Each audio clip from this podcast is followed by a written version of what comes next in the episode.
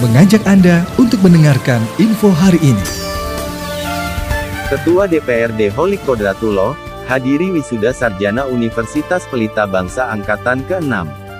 Cikarang Selatan, Ketua DPRD Kabupaten Bekasi, BN Holik Kodratulo, menghadiri acara wisuda sarjana Universitas Pelita Bangsa Angkatan ke-6 tahun 2021 sampai tahun 2022, yang berlangsung di Aula Kampus Pelita Bangsa, Jalan Inspeksi Kalimalang Cikarang Selatan, Kabupaten Bekasi, pada Sabtu, tanggal 19 Maret tahun 2022. BN Holik dalam sambutannya berpesan kepada para sarjana lulusan kampus tersebut agar terus berbuat untuk bangsa Indonesia melalui karya-karya yang bermanfaat bagi masyarakat.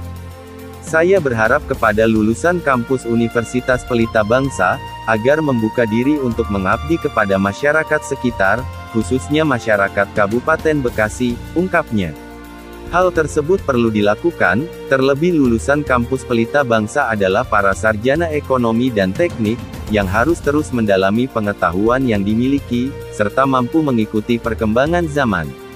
Kita harus memiliki semangat untuk terus berkarya, karena kemajuan teknologi terus berkembang, hadapi dengan cara-cara yang positif, dan tetap menjadi anak bangsa yang peduli terhadap lingkungannya, tandasnya.